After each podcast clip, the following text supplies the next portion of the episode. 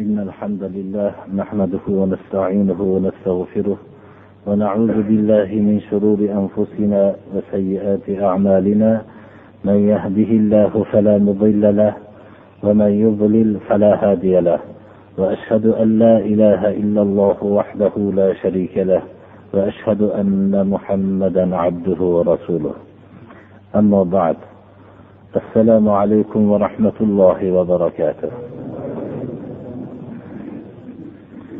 Bugungi kun zulhijja oyining yigirma oltinchi juma kunlari. Alloh subhanahu va taolo mana bu yilning oxirgi kunlarida turibmiz.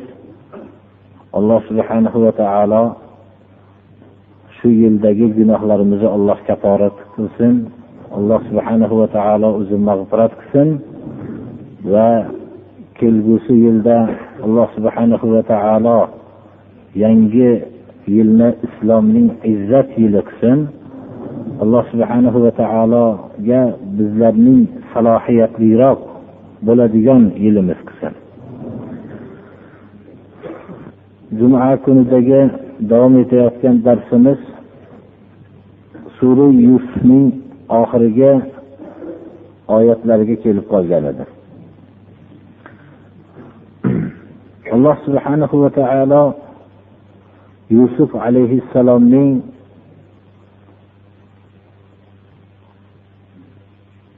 bu kishiga o'zining ne'matini ko'p katta berganligini va avvaldagi hayotning mashaqqatini qiyinchiliklarni dunyoda ham katta bir mukofotini ko'rsatganligini va ota onalari aka ukalarning hammalarini bu kishiga muhtoj qilib shu kishining diyoriga shu kishi misr azizi bo'lib turgan o'ringa alloh subhana va taolo ularni olib kelganligini va bularning uchrashgan soatlarini uchrashgan vaqtlarida inson har qanday inson payg'ambarlar bundan mustasno.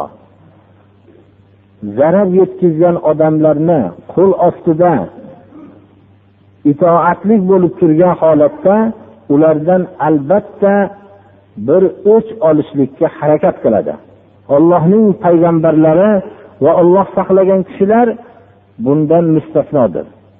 Yusuf alayhissalom mana shu soatda duo qildilarki رب قد آتيتني من الملك وعلمتني من تأويل الأحاديث فاطر السماوات والأرض أنت ولي في الدنيا والآخرة توفني مسلما وألحقني بالصالحين bu mulkni o'zing berding va bu so'zlarning oqibati yoyinki boshqacha qilib aytganimizda tushlarning tavilini ilmini ham o'zing berding. O'zing koinoti yerni yaratuvchi zotsan. Dunyoda va oxiratda mening yordamchim faqat o'zingsan.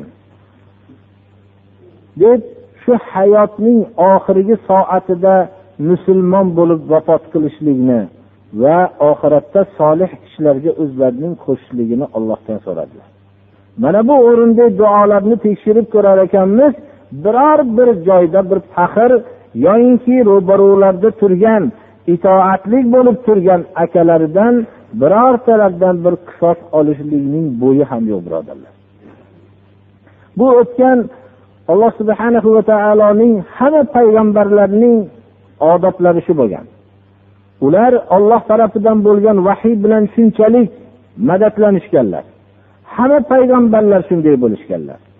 Sulaymon alayhissalom ham alloh subhana va taoloning eng katta ne'matlaridan bittasi bo'lgan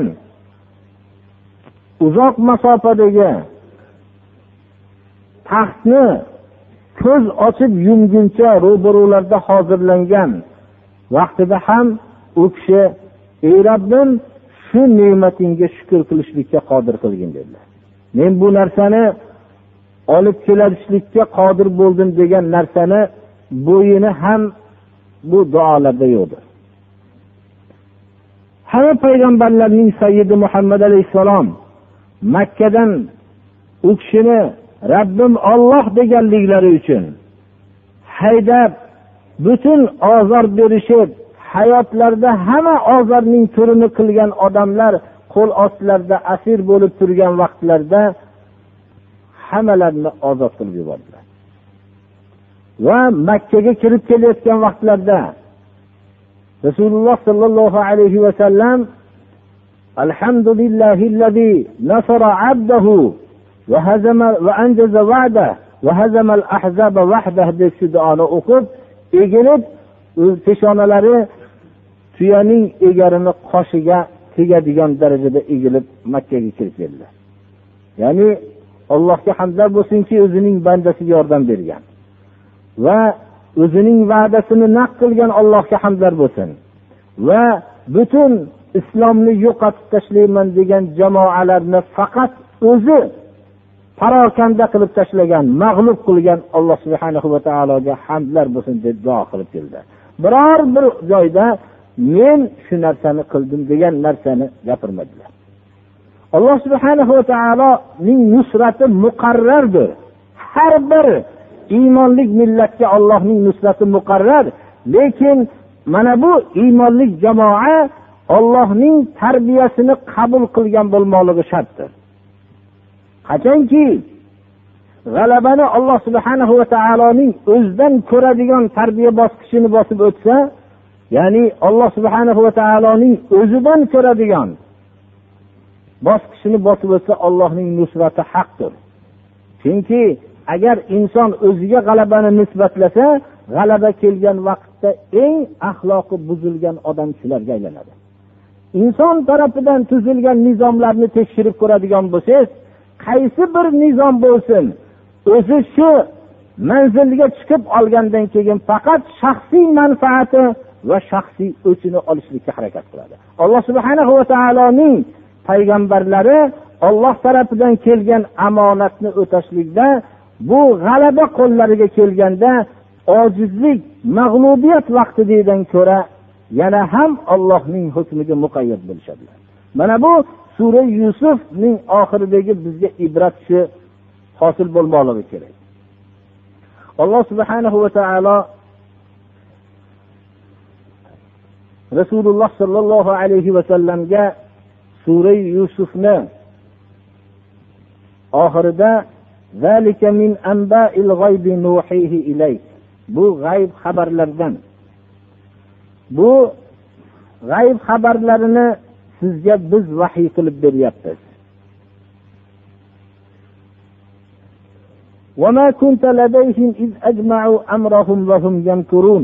Siz u yusufning akalarini oldida yo'q edingiz. Ular o'zlari ittifoq qilib yusufga makr qilishayotgan vaqtlarda maslahatlarda siz yo'q edingiz. Bu narsani biz sizga vahiy qilib beryapmiz deydi alloh subhana va taolo.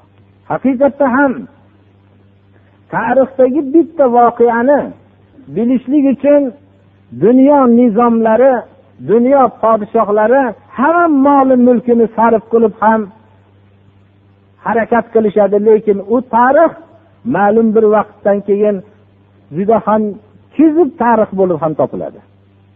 Bitta tarixdagi voqeani bilishlik uchun oddiy bir narsani bilishlik uchun agar yerda tagida biror bir shu shahar bo'lganligini alomati paydo bo'ladigan bo'lsa shu yerdagi diyorlarni hammasini ko'chirib bo'lsa ham shu qazilmani topib olib turib shu yerda bir shahar o'tganligini bilishlikka harakat qilinadi. Bunga har qancha moli davlat bo'lsa sarf qilinadi. Bu bir inson tarafidan taxminiy topilayotgan narsa bo'ladi. Alloh subhana va taoloning minnati haqiqiy minnatki bu sura yusufni mana dars qilib o'rganar ekanmiz xuddi biz shu voqeaning ichida birga kelgandek bo'ldik. Bu voqea nechi ming yillar ilgari bo'lgan alloh subhana va taolo o'zi biladi. Va alloh subhana va taoloning shahodati bilan ahsanul qisos eng qissalarning yaxshisi. Va haq qissalardan tarixdagi qissalarning tekshiring odamlar tarafidan bularning ichida bironta rost topilib qolmasa aksari yolg'on bo'ladi. Va mavhum mubham noma'lum bo'ladi. Bu qissani alloh subhana va taolo eng go'zal qissa deb o'zi guvohlik berdi. Va bu qissaning shunday bizga ozgina varaqlar ichida shunchalik bildirdiki uzoq tarixda o'tgan insonning tug'ilganidan tortib to podshohlik martabasiga erishgan buning o'rtasidagi og'ir bir voqealarni juda oz bir varaqning ichida bizga bayon qildiki bu bayonni shunday mo'jizaviy bayon bilan bayon qildiki bu qissada biz xuddi o'zimizni ishtirok etkazib bu qissaning ichida birga ketdik mana bu ne'matini alloh subhana va taolo bu g'ayb xabarlardan hech kim bilmagan xabarlardan buni sizga biz vahiy qilib beryapmiz. Inson tarafidan bizga yozilgan tarixni odamlar qanchalik e'tibor qilishadi? Bu olloh tarafidan vahiy qilib kelayotgan azaliy o'zining kitobida. Hatto bu rasululloh sollallohu alayhi vasallamga vahiy bo'lgan suralardagi qissalar qur'oni karimning haqiqiy tilovat qilayotgan odamga xuddi shu qissada birga yashagandek ifodalangan. Siz yo'q edingiz ularni hammalari yusufga makr qilishib ittifoq qilib jamlanishganda. Rasululloh sollallohu alayhi vasallamga bu oyat tushganda u kishiga makr qilinayotgan vaqtlarda. Odamlar bu kishining da'vat yo'llarini to'sishlik uchun hamma makrni qilayotgan vaqtda. Payg'ambarimiz sollallohu alayhi vasallam odamlarning dindor bo'lib islomni qabul qilishligiga juda ham haris edilar. Mana bu oyatda odamlarning ko'pi har qancha haris bo'lsangiz ham iymon keltiruvchi emas deb alloh taolo bayon qildi. Rasululloh sollallohu alayhi vasallam nihoyatda harisdilar odamlarning jahannam o'tidan uzoq bo'lib jannatga dohil bo'lishliklariga juda harisdilar har qancha haris bo'lsangiz odamlarning ko'pi iymon keltiruvchi emas deb rasululloh sollallohu alayhi vasallamga shu vahiy bu oyatni tushunishlik uchun hayotingizni hammasini da'vatga bag'ishlang. Odamlarga qanchalik haqni gapirib ularning shu haqqa ergashuvchi bo'lib jahannamdan uzoq bo'lib jannatga dohil bo'lishligini xohlasangiz odamlar sizga shunchalik ozob beradi. Odamlar bu o'zi kattalikni davo qilyapti. Odamlar to'plab o'zi boshliq bo'lmoqchi bu. Yoyinki sizni sha'ningizga tuhmatlar qiladi. Agar bu sizga yengilroq gaplar agar ta'sir qilmayotgan bo'lsa tamomiy sizni sha'ningizga bo'stonlik qiladi. Va tegishli joylarga murojaat qilib sizning sha'ningizda hamma tuhmatlarni qiladi. Bu odamlarni to'plab butun qarshilik vujudga keltirmoqchi deydi. Bunday qilishlik islom tarixi emas balki o'tgan hamma islom tarixida o'tgan payg'ambarlarda haq yo'lda bo'lganlarga shunday qarshilik qilingan. Ammo alloh subhana va taolo ollohga qalbini bog'lagan insonlarni shunchalik qalbini muloyim qilganki odamlar qanchalik ozor bergan sari ular odamlarni shunchalik haq yo'lda bo'lishligiga haris bo'lishganlar. Rasululloh sollallohu alayhi vasallamga alloh taolo mana bu oyatda odamlarning ko'pi siz har qancha haris bo'lsangiz ham iymon keltiruvchi emas chunki iymon sizning harisligingiz bilan hosil bo'lmaydi. Iymon qalblardagi iymonga bo'lgan tayyorgarlik bilan olloh tarafidan keladigan hidoyatdir. Iymon odamlarga yalinib xohlamasalar ham beriladigan arzon narsa emas. Iymon da'vat qiluvchi kishining harisligi bilan odamlarda hosil bo'luvchi narsa emas. Lekin odamlar iymonga chaqiruvchi kishining sha'niga tuhmat qilaveradi. Odamlarni to'plab bu hozir bir katta kuch to'plamoqchi degan tuhmatlarni qilaveradi. Abdul qodir jiyloniy haqqa tavhidga da'vat qilgan kishilardan. Ko'p kishilar abdul qodir jiloniyning tarixlarini ko'p aniq bilmaydi. U kishi o'zlarining fathur rabboniy kitobida mashhur kitoblari bor tavhidga chaqirib hayotlarini o'tkazgan kishilardan. Abdul qodir jiloniy haq tavhidga chaqirganliklari uchun ko'p odamlar ergashgan bu kishiga. Ergashgan vaqtlarda podshohga tuhmat bordiki bu abdul qodir jiloniy atrofiga odam to'plab hasadchilar tomonidan aytildiki sizni o'rningizni sizga podshohga qarshi harakatga tayyorlanyapti deyishdi. Kursiyingizni olmoqchi bu dedi. Podshoh odamlarni o'zini ko'zi bilan ko'rmaydi birodarlar. Atrofidagi kishilarning ko'zi bilan ko'radi. Podshoh xalqqa bevosita uning dardini bilishlikka bitta odam qodir bo'lmaydi. Atrofidagi kishilarning ko'zi bilan ko'radi. Alloh subhana va taolo bir podshohni baxtli qilgan bo'lsa atrofiga haqiqiy insonlarni jamlab qo'yadi. Agar baxtni badbaxt qilgan bo'lsa atrofiga nopok insonlarni to'plab qo'yadi. Abdul qodir jiloniyni podshoh olib kelishlikka buyruq qildi. Abdul qodir jiloniyni olib kelishdi. Shunda aytishdilarki siz odam to'plab menga qarshi harakat qilyapsiz. Bu kishi aytdilarki bundan men bu tuhmatdan pokman shunda aytdilarki nihoyatda bu siz kizib yo'liga ham o'tibsiz dedi. Men haqman to'g'ri so'zlayapman men hech qanday odamlarni faqat tavhidga chaqiryapman. Haq yo'lga chaqiryapman odamlarni. Bu odamlarning to'planishligi to'planmasligi meni ixtiyorimdan tashqari narsa. Lekin men odamlarni sizga qarshi bo'lishlik uchun to'playotganim yo'q. Odamlarning ollohning yo'liga chaqiryapman shunda bu narsani isbotlang dedi. U kishi podshohdan talab qildilarki bo'lmasam abdul qodir jiloniy ertaga shu maydonda o'ldiriladi deb xabar qiling dedi. Podshoh xabar qildi.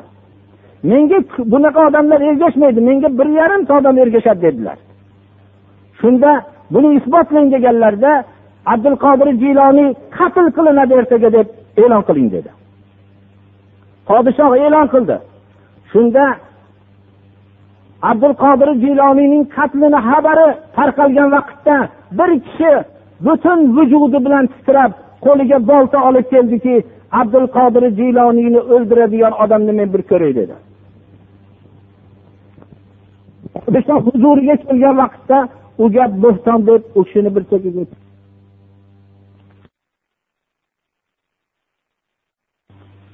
shunda abdul qodir jiloniyga qaralganda bu avvalgi kelgan kishi bitta kishi dedi.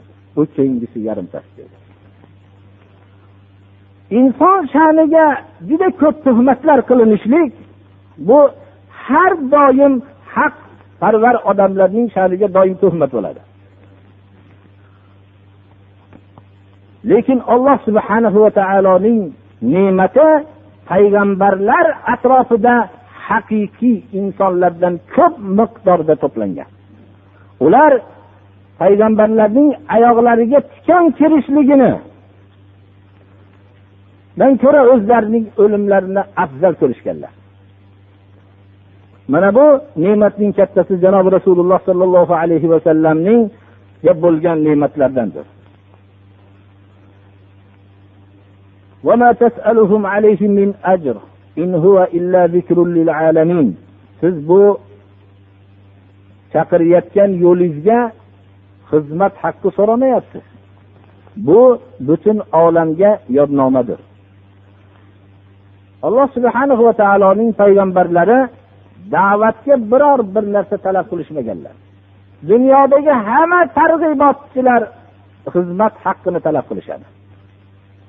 Agar xizmat haqqidan mahrum bo'lishsa shu vaqtda targ'ibotlari haqmi nohaqmi undan voz kechishadi. Shuning uchun ham alloh subhana va taolo da'vatga haq bo'lmasligini iroda qildi.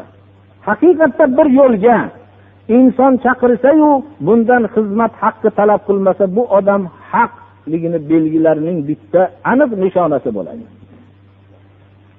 Chunki targ'ibotga agar haq talab qilinadigan bo'lsa shunday yollanma targ'ibotchilar vujudga keladiki haqiqiy insonni dunyodagi eng yomon odam deb targ'ib qiladigan kishilar vujudga keladi. Chunki da'vat haq yo'lga chaqirishlik ruhi yo'qoladida faqat maqsad ajr mukofot va maosh bo'ladiyu u targ'ibotning fasodmi to'g'ri bo'lishligini ahamiyati yo'qoladi. Mana tarixni qarasangiz hamma pok insonlarning nopok deb deyishlik uchun nima majbur qilgan? Maosh majbur qilgan. Shu ajr ya'ni shunga xizmat haqqi talab qilishlik majbur qilgan. Alloh subhana va taolo payg'ambarlarni mana bunday narsadan ya'ni dunyoviy mukofotdan talab qilmaslikka buyurdi. Ammo da'vatning mukofoti juda kattadir. U jannat ko'radi. Bu butun olamga yodnoma. Qur'oni karimning butun olamga yodnoma. Bu arab xalqiga kelgan emas. Mana bu mo'jiza isbotlanib turibdiki qur'oni karimning atrofida butun dunyoning hamma millatidan bo'lgan iymonni qabul qilgan odamlar jamlanib turibdi.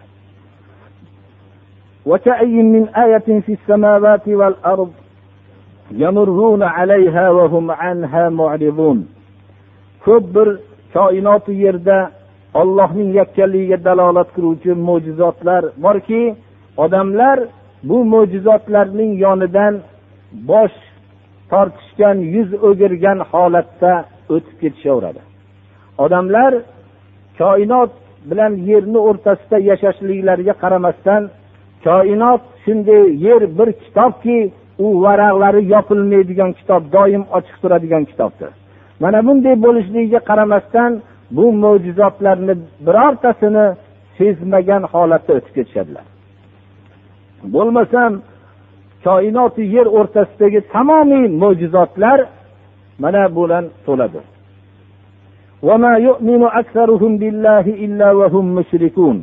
Koinoti yerni tafakkur qilishlik o'zi ollohning yakka sifatlarida yakka ekanligiga va yakka ma'bud ekanligiga iymon keltirishlikka majbur qiladi. Ammo shunday bo'lishligiga qaramasdan odamlarning ko'pi ollohga iymon keltiradiyu lekin mushrik bo'lgan holatda iymon keltirishadi. Ollohni inkor qiladigan darajadagi kofir tarixda vujudga kelgan emas magar nodir suratda bo'lgan. Lekin ollohni vujudini inkor qiladigan kofirning vujudga kelganligi taqriban uch yuz yil bo'lganki buni vujudga kelganligiga. Chunki inson ollohning vujudini inkor qilish darajasiga borishlik uchun vijdondan ham mahrum bo'lib jig'ildonga aylanib ketish kerak. Mana bu narsa lekin payg'ambarlar bilan xalqlar o'rtasidagi kurash bu ollohning vujudi haqida ketgan emas. Yakka ma'budga ibodat qilishlik bilan shirk o'rtasida kurash ketgan. Odamlar ollohni inkor qilgan emas. Ollohni bor deyishgan. Koinoti yerni olloh yaratgan deyishgan. Bizlarga olloh rizq berib turuvchi degan. Olloh o'ldiruvchi va tiriltiruvchi sifatlarga iymon keltirishgan.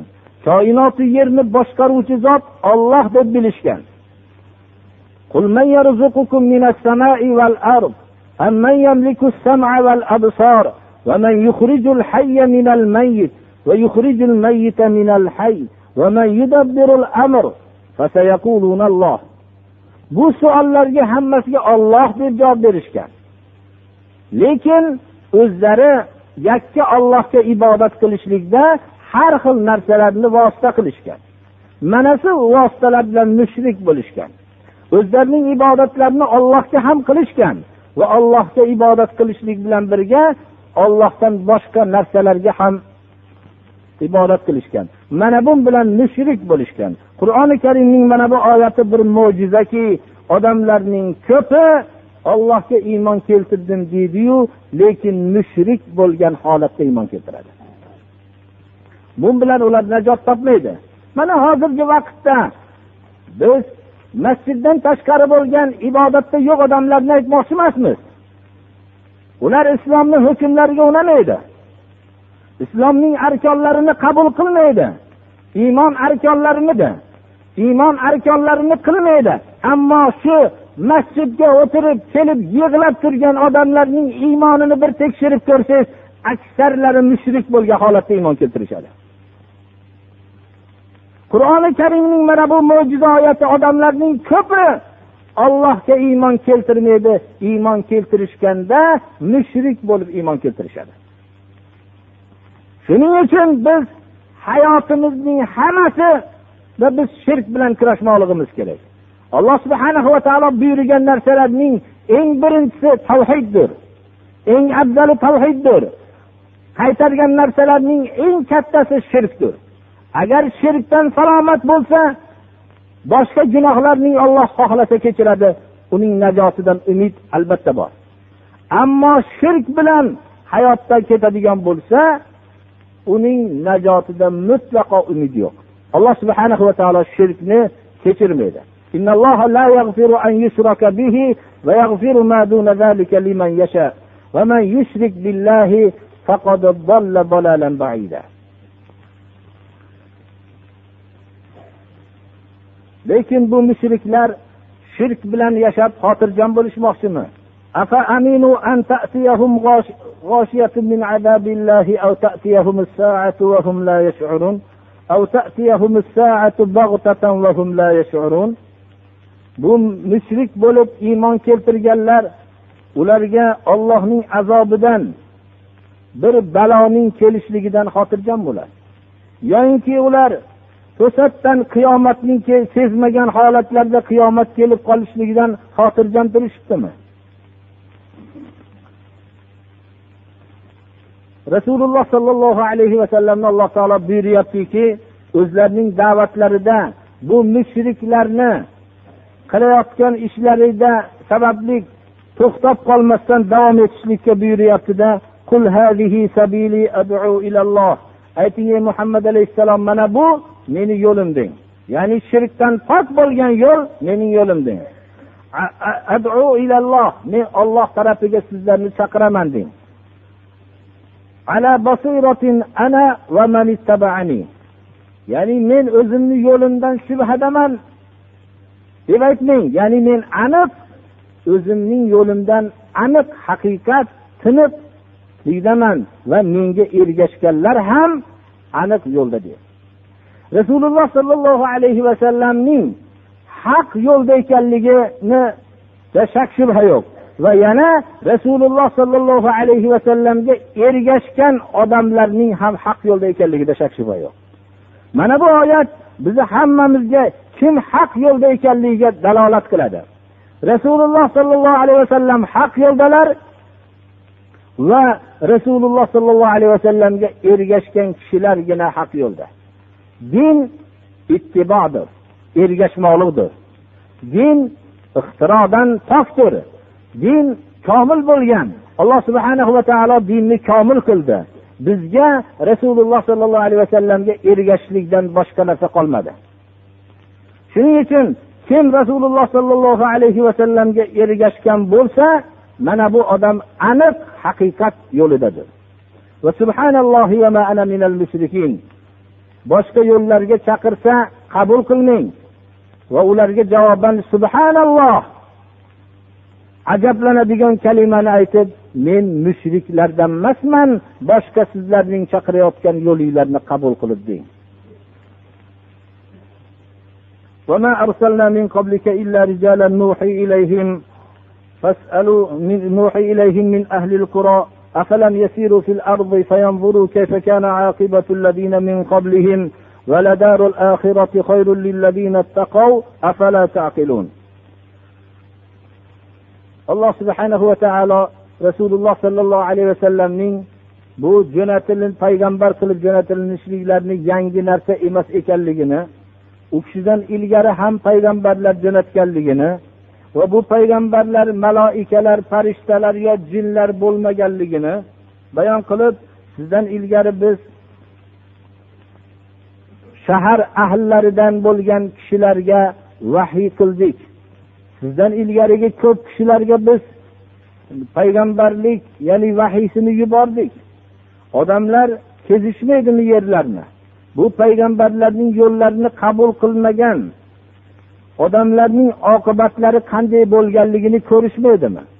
Tarixda ollohni yo'lini qabul qilmaganlarning hammasini tarixlari vayron bo'lgan.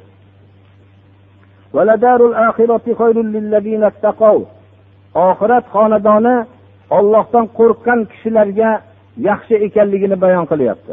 Mana bu narsani fikrimizni yuritishlikka oxiratning afzal ekanligini bilib bilishlikka fikrimizni yuritishlikka alloh subhana va taolo buyuryapti va o'zining nusratini qachon kelishligini olloh tarafidan bo'lgan nusrat muqarrar lekin uning muayyan bir davri bor ekanligini حتى إذا استيأس الرسل وظنوا أنهم قد كذبوا جاءهم نصرنا فنجي من نشاء ولا يرد بأسنا عن القوم المجرمين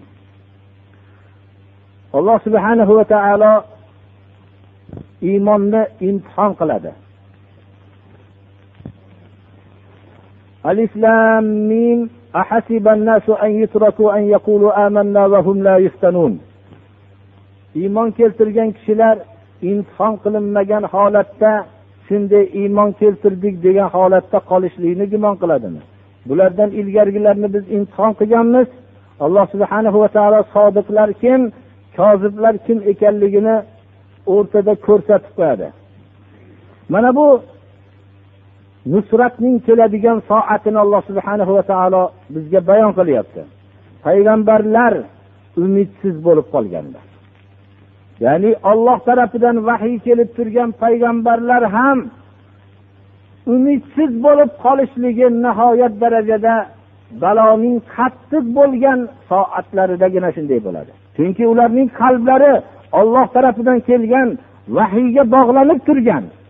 Bu qalblarning umidsiz bo'lishligi juda ham bir harajli qiyin soatlardagina shunday bo'ladi. Va o'zlarining endi yolg'on yolg'onchi bo'lib qolishligini gumon qilganda. Ya'ni endi payg'ambarlar oysha onamiz tilovatini o'qigan ekanlar. Ya'ni payg'ambarlar o'zlariga ergashgan kishilarga ollohning nusrati haq ollohning nusrati keladi degan so'zda endi bizni ummatlar bizni yolg'onchi deydigan bo'lib qoladi. Endi endi biz ummatlar oldida yolg'onchi bo'lib qoldik. Ollohni nusrati kelmayapti deb gumon qilgan soatda bizni yordamimiz keldi ularga ya'ni bu nihoyat darajada insonlarning boshiga ko'p kulfatlar nihoyasiga tushishligi nihoyasiga yetgan vaqtdagina alloh subhana va taoloning nusrati kelganligiga ishoradir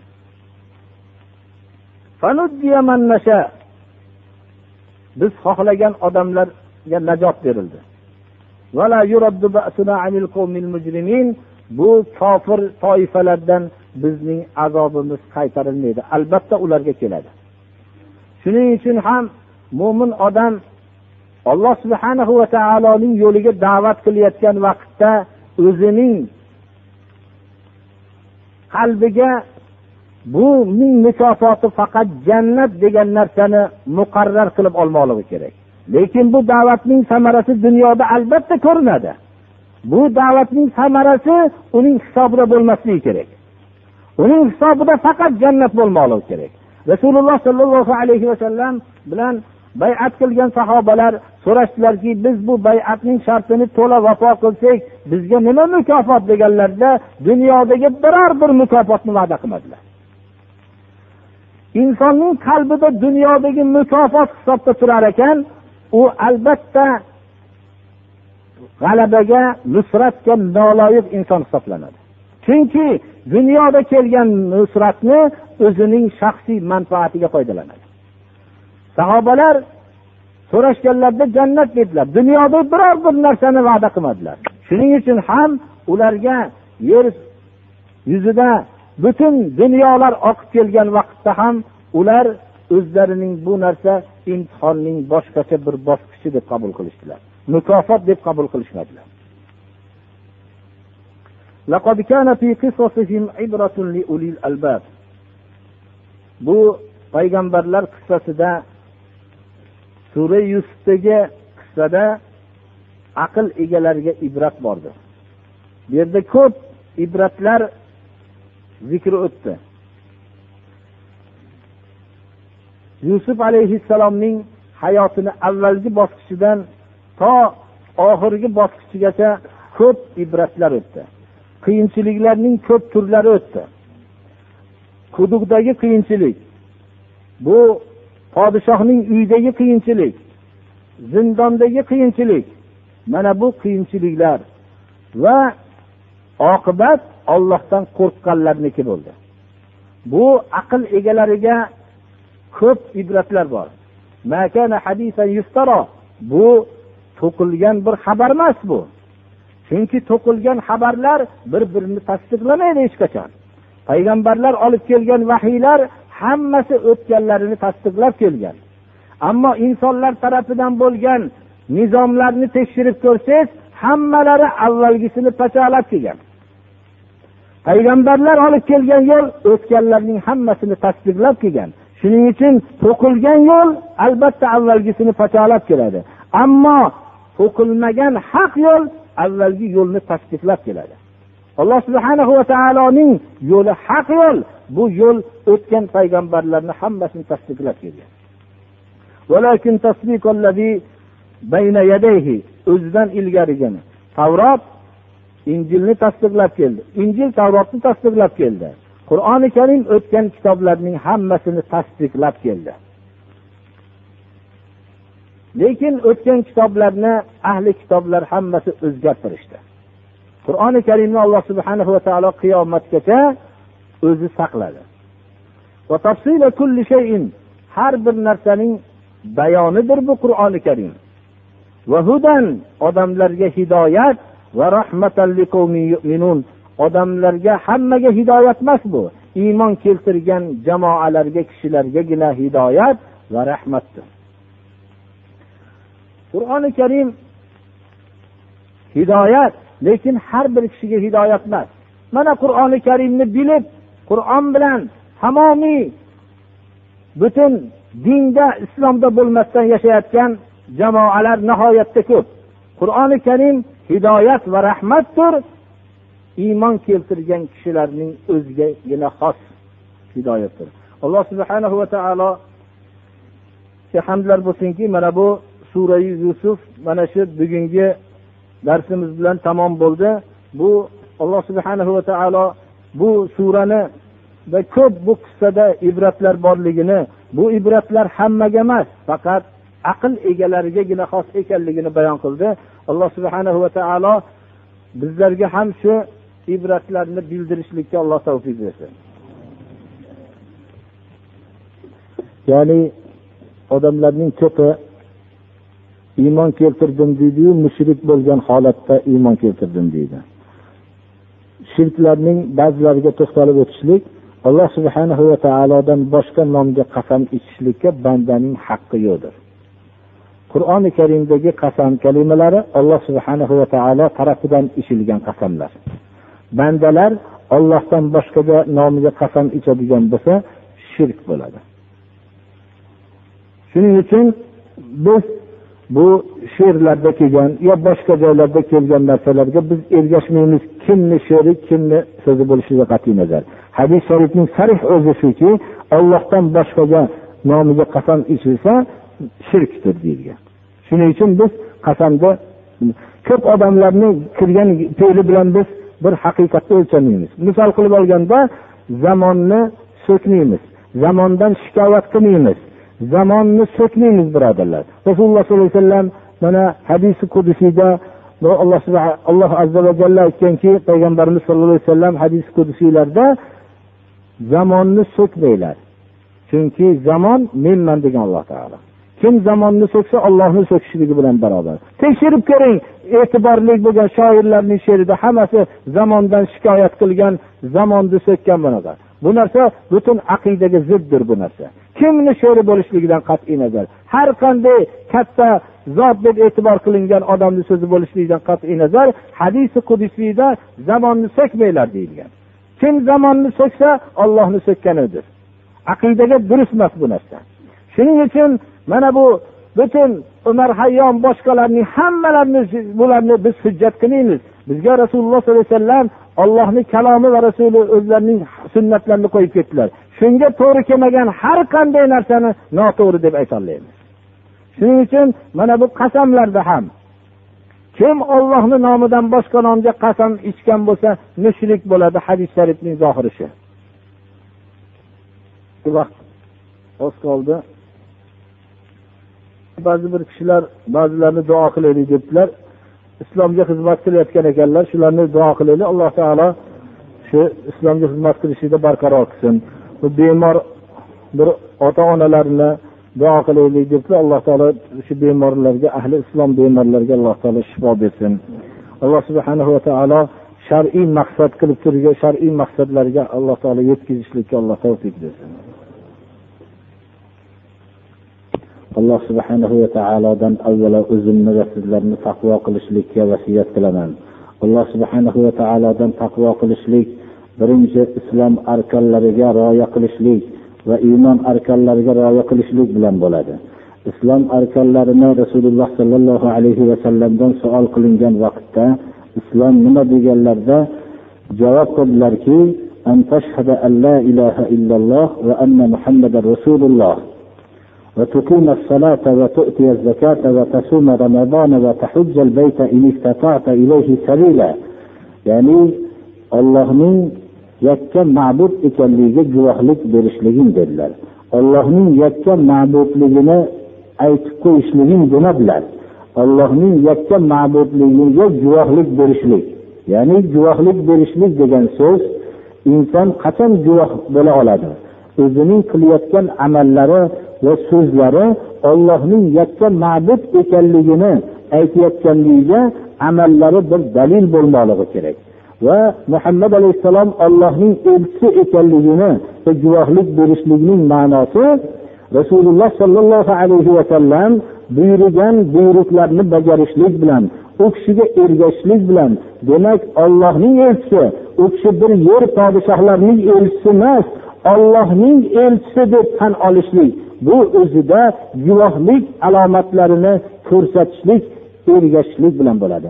O'zi va oilasi va islom bilan ahli islom bilan to'plangan jamoada va g'ayri dinlar bilan bo'lgan munosabatlarda ham islomning rasululloh sollallohu alayhi vasallam olib kelgan yo'l bilan o'zini u kishiga ergashishliklaridagina guvohlik alomatlari ko'rinsa guvohlik bergan qatordan o'rin oladi.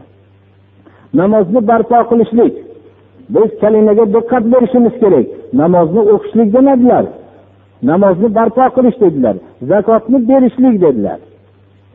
Va ramazonda ro'za tutishlik haj qilishlikka qodir bo'lsang haj qilmoqliging deb javob berdilar yo'lga qodir bo'lsang degan so'zda massabil deb yo'l nima deb so'raganlarda azzadu va rohila ya'ni yo'lga kerakli narsalar va uning markab va bu hokazo boshqa bir rivoyatlar ham bor xullas yo'lga qodir bo'lgan vaqtda haj qilishlik deb beshta islomning rukunini aytdilar iymonni so'raganlarda أن تؤمن بالله وملائكته وكتبه ورسله واليوم الآخر والقدر خيره وشره deb olti narsani iymonning rukunlari dedilar allohga iymon keltirish va hokazo bu bayon qilingan narsalarni hammasiga to'xtalib o'tganmiz.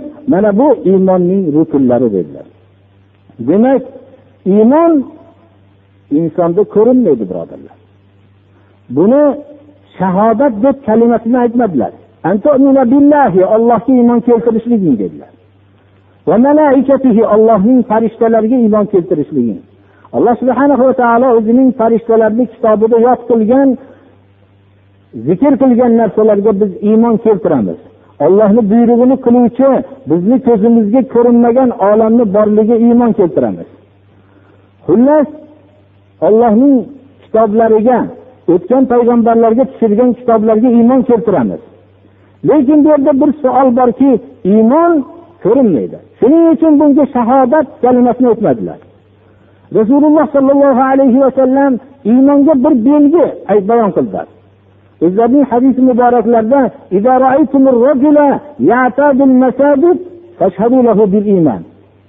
bir kishi vafot qildi.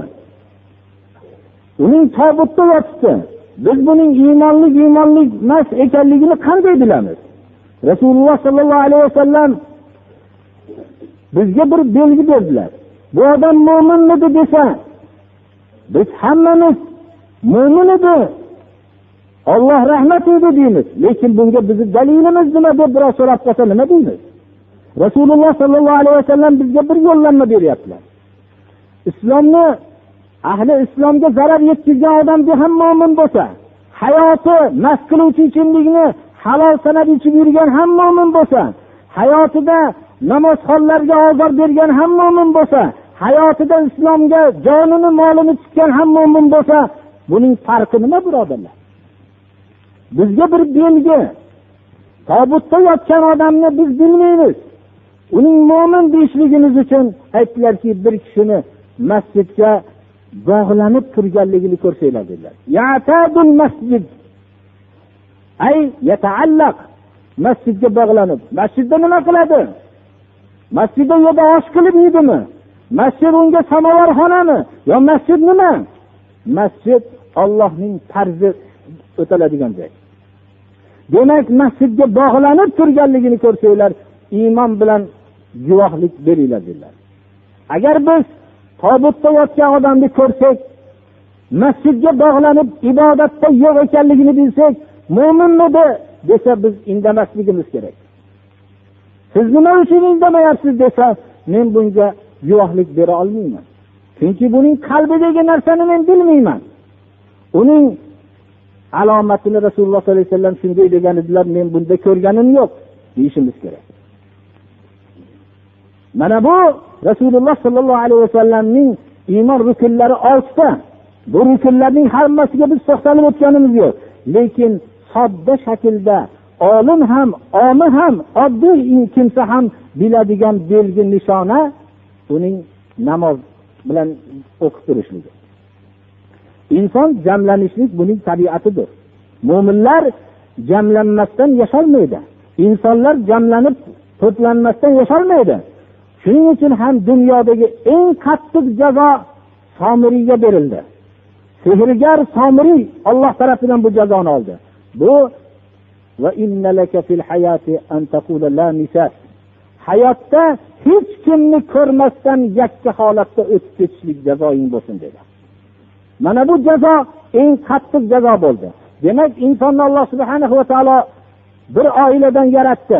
Buning birlashib yashashlikka alloh taolo tabiat bilan tabiatlantirib qo'ydi. Lekin agar biz masjidda ollohning tarzida birlashishlikka odatlanamiz agar buni xohlamasak ollohni buyurgan buyruqlarida ham jamlanishligimiz boshqa o'rinlarda ham mumkin. Ammo buni qilmasa baribir odamlar bas qiluvchi ichimlikni boshqa bir masiyatlar bilan jamlanib yashaydi. Shuning uchun odamlar baribir bir yo'l bilan jamlanishlikka harakat qilishadi. Lekin mo'minlar ollohning farzida jamlanishadi. Mo'min bo'lmaganlar ollohga osiy bo'lishlikda jamlanadi hayotga nazar tashlang boshqalar jamlanmayaptimi hammasi osiylik masiyatlarda jamlanyapti shuning uchun bir kishini mo'minligiga biz guvohlik berishlik uchun dalil bo'lmoqligi kerak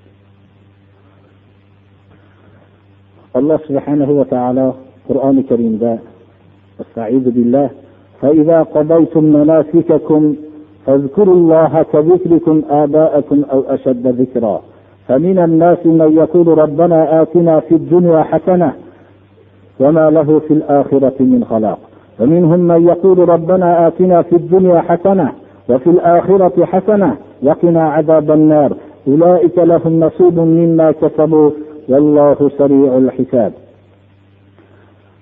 ko'pchilik alloh subhanahu va taoloning arzi hajni amal qilib keldi mana bu oyatda haj ibodatlarni o'tagan bo'lsanglar ollohni yodinglarga olinglar ajdodiylarni yodinglarga olganga o'xshagan. Bu oyatning tafsirida abdulloh ibn abbos roziyallohu anhu marhamat qiladilarki zamoni johiliyatda ibodatlarni qilishgandan keyin o'tgan ajdodlar bilan faxrlanib baytlar aytib faxrlanishardi. Bizning ajdodimiz u bo'lgan bizning ajdodimiz bu bo'lgan deb faxrlanardi hamma johiliy xalqlar faxrlanganga o'xshagan. Mana bu oyatda otanglarni ajdodiylarni zikriga o'xshagan ollohni zikrini qilinglar.